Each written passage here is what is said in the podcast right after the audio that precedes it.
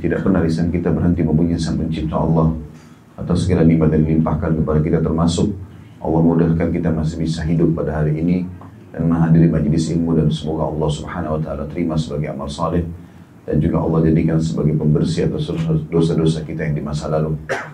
Selanjutnya kita panjatkan insya Allah salawat dan taslim kepada Nabi besar Muhammad sallallahu alaihi wasallam sebagaimana Allah perintahkan kepada kita dan tentu dengan harapan agar Allah membalas dan memberikan apa yang telah dijanjikan satu kali salam hormat ini dibalas dengan sepuluh kali rahmat. Melanjutkan pada buku kita Sahih Hadis Kursi dan kita mas, uh, masuk ke bab baru setelah kemarin membahas keutamaan hari Arafah dan kita sudah panjang lebar menjelaskan termasuk masalah haji dan keutamaan-keutamaannya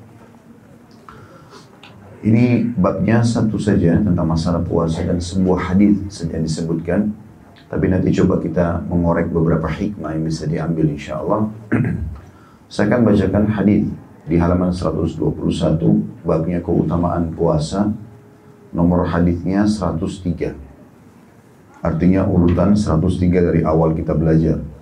Di sebelahnya ada tulisan sahih, artinya hadis ini diterima dari Abu Hurairah radhiyallahu anhu bahwa Rasulullah sallallahu alaihi wasallam bersabda, "Qala Allah, kullu amal ibn Adam lahu illa siyam, fa innahu li wa ana ajzi bih." Allah berfirman, setiap amalan anak Adam itu untuknya kecuali puasa, karena puasa itu untukku dan aku yang memberikan balasannya. Hadis riwayat Bukhari Muslim.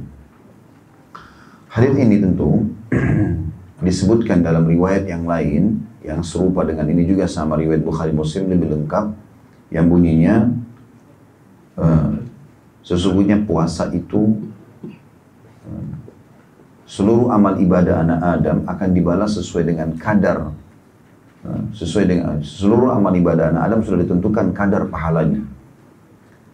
Kecuali puasa maaf seluruh amal ibadah anak Adam ditentukan kadar pahalanya 10 sampai 700 kali lipat. Kecuali puasa, Allah berfirman, dia adalah milikku, maka aku akan membalasnya langsung. Dia meninggalkan laparnya, hausnya, syahwatnya karena aku. Lalu orang yang puasa akan mendapatkan dua kegembiraan, kegembiraan pada saat dia berbuka dan kegembiraan pada saat dia bertemu dengan Tuhannya. Jadi riwayat yang saya sebutkan barusan ini adalah riwayat lengkap dari apa yang terpaparkan di sini. Tapi karena kita membahas hadis kursi, kemungkinan besar penulis mengambil potongannya saja. Ini potongan hadis. Allah berfirman, semua amal ibadah anak Adam untuknya kecuali puasa karena dia milikku dan aku membalasnya langsung. Mungkin ada beberapa hal yang kita ingin titik beratkan dalam masalah puasa ini. Tentu keutamaan-keutamaannya tidak asing lagi. Tetapi kita fokus misalnya masalah Ramadan karena dia wajib. Ada uh, mutiara dari kaum salafus salih, dari sahabat, dari tabi'in. Mereka selalu kalau ingin melakukan sebuah ibadah, mereka punya persiapan-persiapan.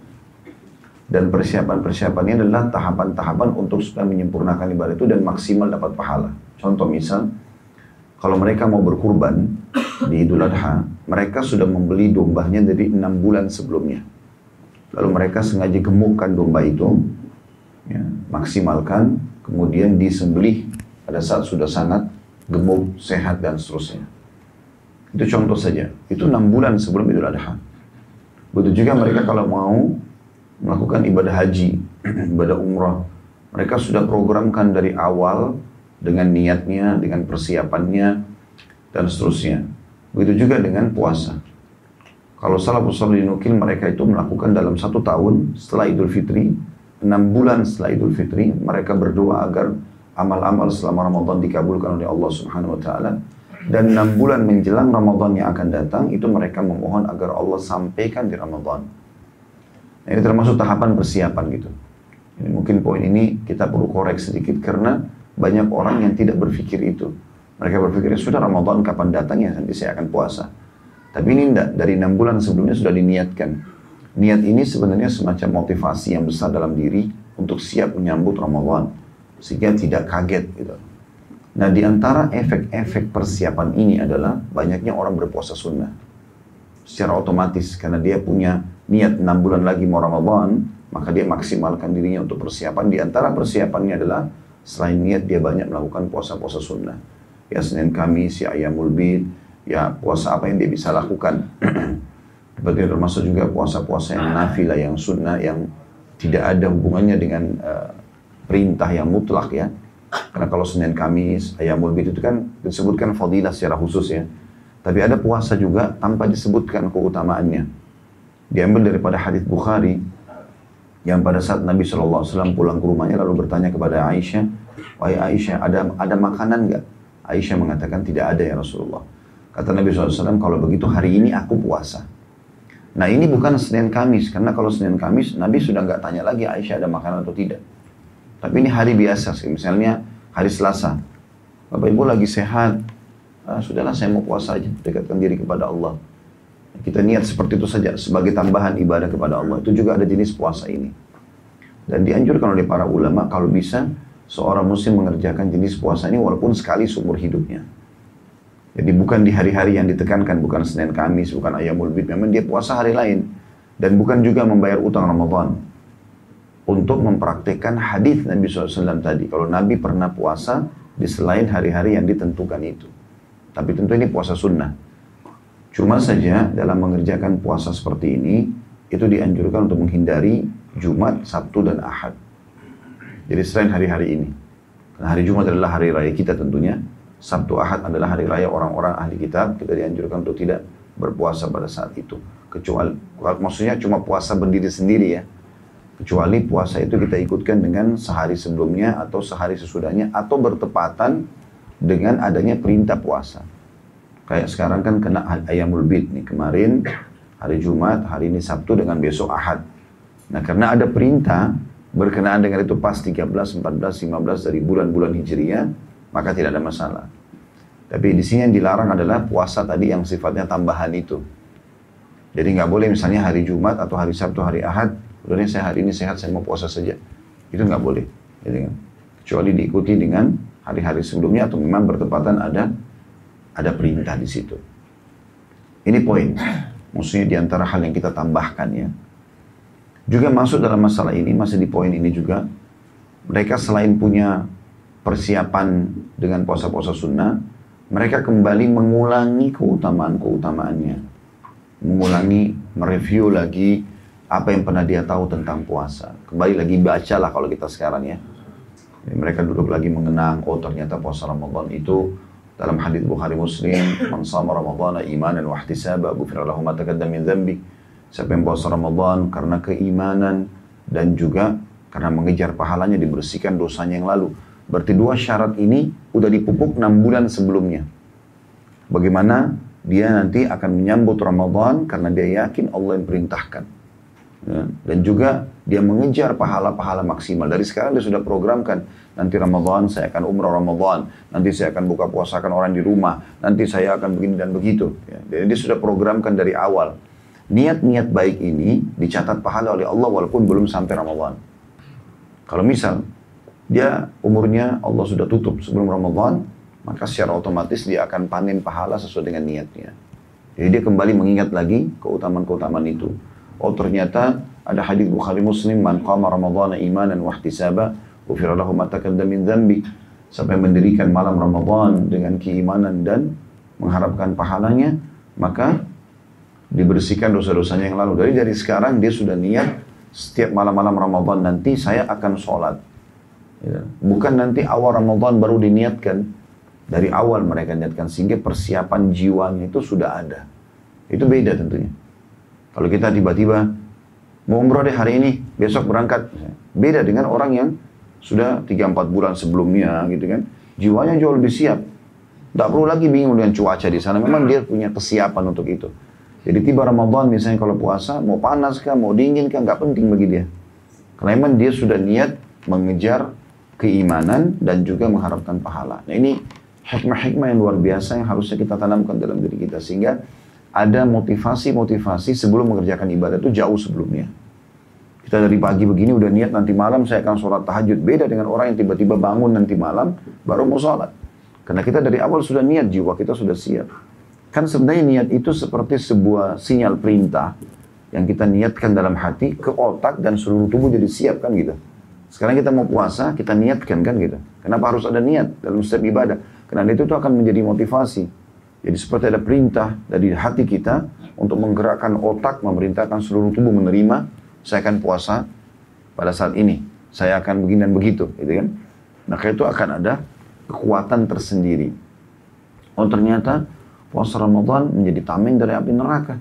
Karena Nabi SAW menjelaskan masalah itu kan. Was asyamu junnah, kejunnati ahadikum minal kitab. Puasa itu perisai dari api neraka sebagai sebagaimana perisai seseorang yang terkalian pada saat di kancah peperangan misalnya. Maka dia memang mengejar itu. Bagaimana nanti dengan puasanya dia akan selamat dari api neraka. Maka haus, lapar jadi kecil bagi dia. Secara otomatis karena dia menjadikan itu sebagai motivatornya gitu kan. Begitu juga dengan uh, sebab masuk dalam surga misalnya. Ya, dengan mengejar pintu ar-rayyan yang dijanjikan. Kata Nabi SAW sesungguhnya Allah menyiapkan pintu khusus untuk orang puasa namanya ar-rayyan yang tidak dimasuki kecuali mereka. Kalau mereka masuk ditutuplah. Maksudnya pintu gerbang ini di dalamnya ada istana-istana. Fasilitasnya itu hanya dinikmati bagi orang yang rutin berpuasa. Seperti itulah. Begitu juga dengan orang yang sudah biasa puasa.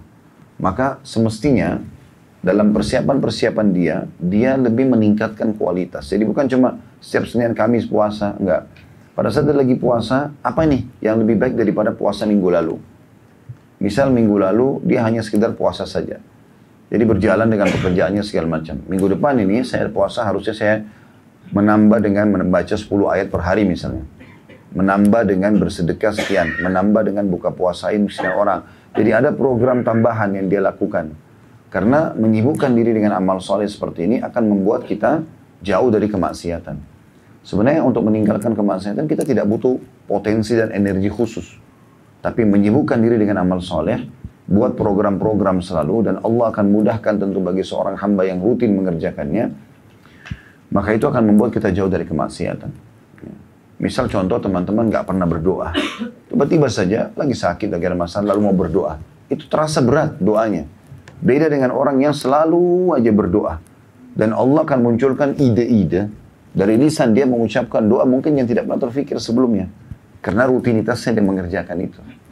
Kalau kita baru sekali sholat malam, akan beda dengan orang yang sudah berjalan setahun sholat malam. Akan banyak program-program muncul di sholat malam itu. Misal dia jadi baca satu juz satu malam, nanti dia akan apa pakai baju apa, nanti dia akan ajak temannya, atau atau atau muncul banyak ide. Dia biasa baca Quran dengan orang yang baru baru belajar baca Quran beda. Orang yang biasa baca Quran akan muncul ide-ide yang banyak sekali di ibadah itu sendiri dan seterusnya. Seperti itulah. Maka pengembangan ini penting. Nah, ini masuk dalam hikmah yang harus kita ambil daripada persiapan salafus saleh berhubungan dengan masalah keutamaan-keutamaan Ramadan itu atau puasa sendiri. Begitu juga dengan puasa-puasa sunnah sangat dianjurkan untuk dilakukan semaksimal mungkin. Kecuali orang punya udur syar'i. Dia lupa, ada udur syari'inya, sakit dan seterusnya. Tapi kalau tidak, dianjurkan puasa. Ya, dianjurkan puasa. Abu Darda berkata radhiyallahu anhu, kalau bukan karena tiga hal, aku tidak akan ingin hidup di dunia.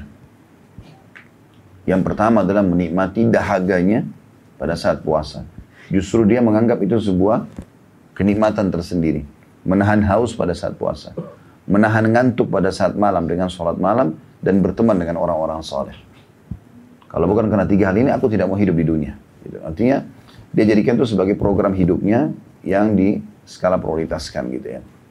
Jadi memang mereka memprogramkan masalah itu. Jadi memang kita harus menanamkan dalam diri kita untuk suka, cinta dengan ibadah-ibadah ini gitu. Kemudian yang kedua, ini yang pertama tadi ya, bagaimana kita punya persiapan-persiapan dan memahami dengan motivasi-motivasi agar kita bisa mengerjakan ibadah itu maksimal. Yang kedua kita harus membentuk komunitas. Komunitas selalu ada, harus ada komunitasnya. Saya yakin tidak asing bagi Bapak Ibu kan. Ada orang yang suka motor, dia buat komunitas motor. Ada orang suka mobil, dia komunitas komunitas mobil. Kan gitu-gitu. Kenapa dia buat begitu? Supaya dia merasa di alamnya dia. Nah, membentuk komunitas ini ada dalam syariat kita. Sesuai dengan hadis Nabi SAW, Al-maru ala dini khalili. Seseorang sesuai dengan agama, temannya dan lingkungannya.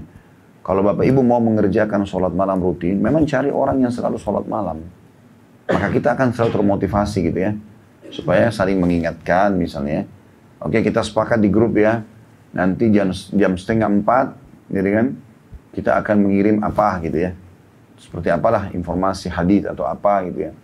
Atau mungkin ada yang bertugas dari grup itu misalnya 20 orang bertugas setengah empat malam, hari ini si Fulan, dia akan miss call teman-temannya yang 20 itu. Untuk mengingatkan, besok si Fulan lagi, besok si Fulan lagi, dan seterusnya. Sehingga mereka punya program yang saling mengingatkan. Ini sudah sholat malam nih. Ya. Jadi pada saat dia juga lagi malas, dia ingat, oh temannya akan diingatkan gitu. Akan bunyi itu, akan diingatkan. Dan memang itu peringatan sudah cukup sebenarnya. Akan membuat kita mengingat kembali. Ya. Apakah itu tulisan, motivasi, dan seterusnya. Contoh saja, begitu juga pada saat kita mau, kita, naudzubillah, punya sifat bakhil misalnya. Kita mengubahnya. Maka kita harus berteman dengan orang-orang dermawan. Ketemu sama orang yang royal yang luar biasa bagi sana bagi sini. Nanti itu akan menggugah hati kita. Oh ternyata seperti ini ya. Kan pernah kita sebutkan kisah tentang seseorang dalam hadis disebutkan dia dengan sedekahnya bisa mengubah tiga orang sekaligus keadaannya. Yang pertama dia temui seorang pencuri. Mau mencuri kemudian dia niat malam hari keluar ingin mengeluarkan hartanya. Lalu kemudian dia temui orang tersebut. Dia tidak tahu ini pencuri atau tidak dia cuma mengatakan setelah ketemu saya sudah niat karena Allah mau bersedekah malam ini dan yang saya temui adalah Anda. Ambillah. Lalu pencuri itu kaget. Padahal orang ini tidak tahu dia pencuri gitu. Maka karena niat baiknya, pencuri ini ngambil dan uangnya banyak, maka dia pun meninggalkan pencurian, kata Nabi SAW, dan menjadi orang baik. Itu juga dengan malam kedua dia keluar lagi bawa uang yang banyak, dia niat sedekah. Lalu siapa pun yang temui dia niat berikan. Ternyata dia temui seorang wanita pelacur. Dia tidak tahu itu wanita pelacur. Langsung dia mengatakan, saya sudah niat karena Allah ingin mengeluarkan sedekah, maka saya berikan kepada anda. Perempuan itu kaget. Dia bilang, apakah bukan kau karena mau nidiuri saya, pakai dan bahasa-bahasa seperti itu? Dia bilang, tidak. Saya kenal lillahi ta'ala. Maka perempuan itu mengambil dan meninggalkan perzinahan jadi jadikan modal. Itu juga dan saksi bahasan kita adalah orang ketiga. Dia temui ternyata orang yang bakhil, pelit sekali. Kemudian dia keluar malam ketiga bersedekah dengan hartanya, dia begitu ketemu langsung dia kasih. Lalu dia bilang ini saya niat lillahi ta'ala bersedekah, orang yang pertama saya temui adalah anda. Maka dia kasih, orang ini mengatakan, kau tidak tahu saya? Enggak. Lalu untuk apa aku kasih? Karena Allah. Maka dia terpukul, karena selama ini dia kaya raya tidak pernah sedekah. Semenjak hari itu orang itu berubah menjadi orang yang dermawan juga. Artinya ada efek-efek pengaruh kalau kita membentuk komunitas itu. Otomatis gitu kan. Mungkin dari sekian komunitas ada orang yang lebih baik dari sisi ibadah, kita akan belajar gitu kan. Kita akan tahu. Dan banyak hal yang bisa kita belajar tentunya dari komunitas-komunitas yang sehat ini. Paling tidak, kita akan merasa punya rasa malu kalau kita melanggar apa yang sudah ada di komunitas itu. Ya. Seperti itulah kurang lebih gambaran-gambarannya. Ini yang kita bisa ambil uh, daripada hadis ini tentunya. Dan uh, di sini karena cuma disebutkan sebuah hadis, maka kita akan pindah ke bab yang setelahnya.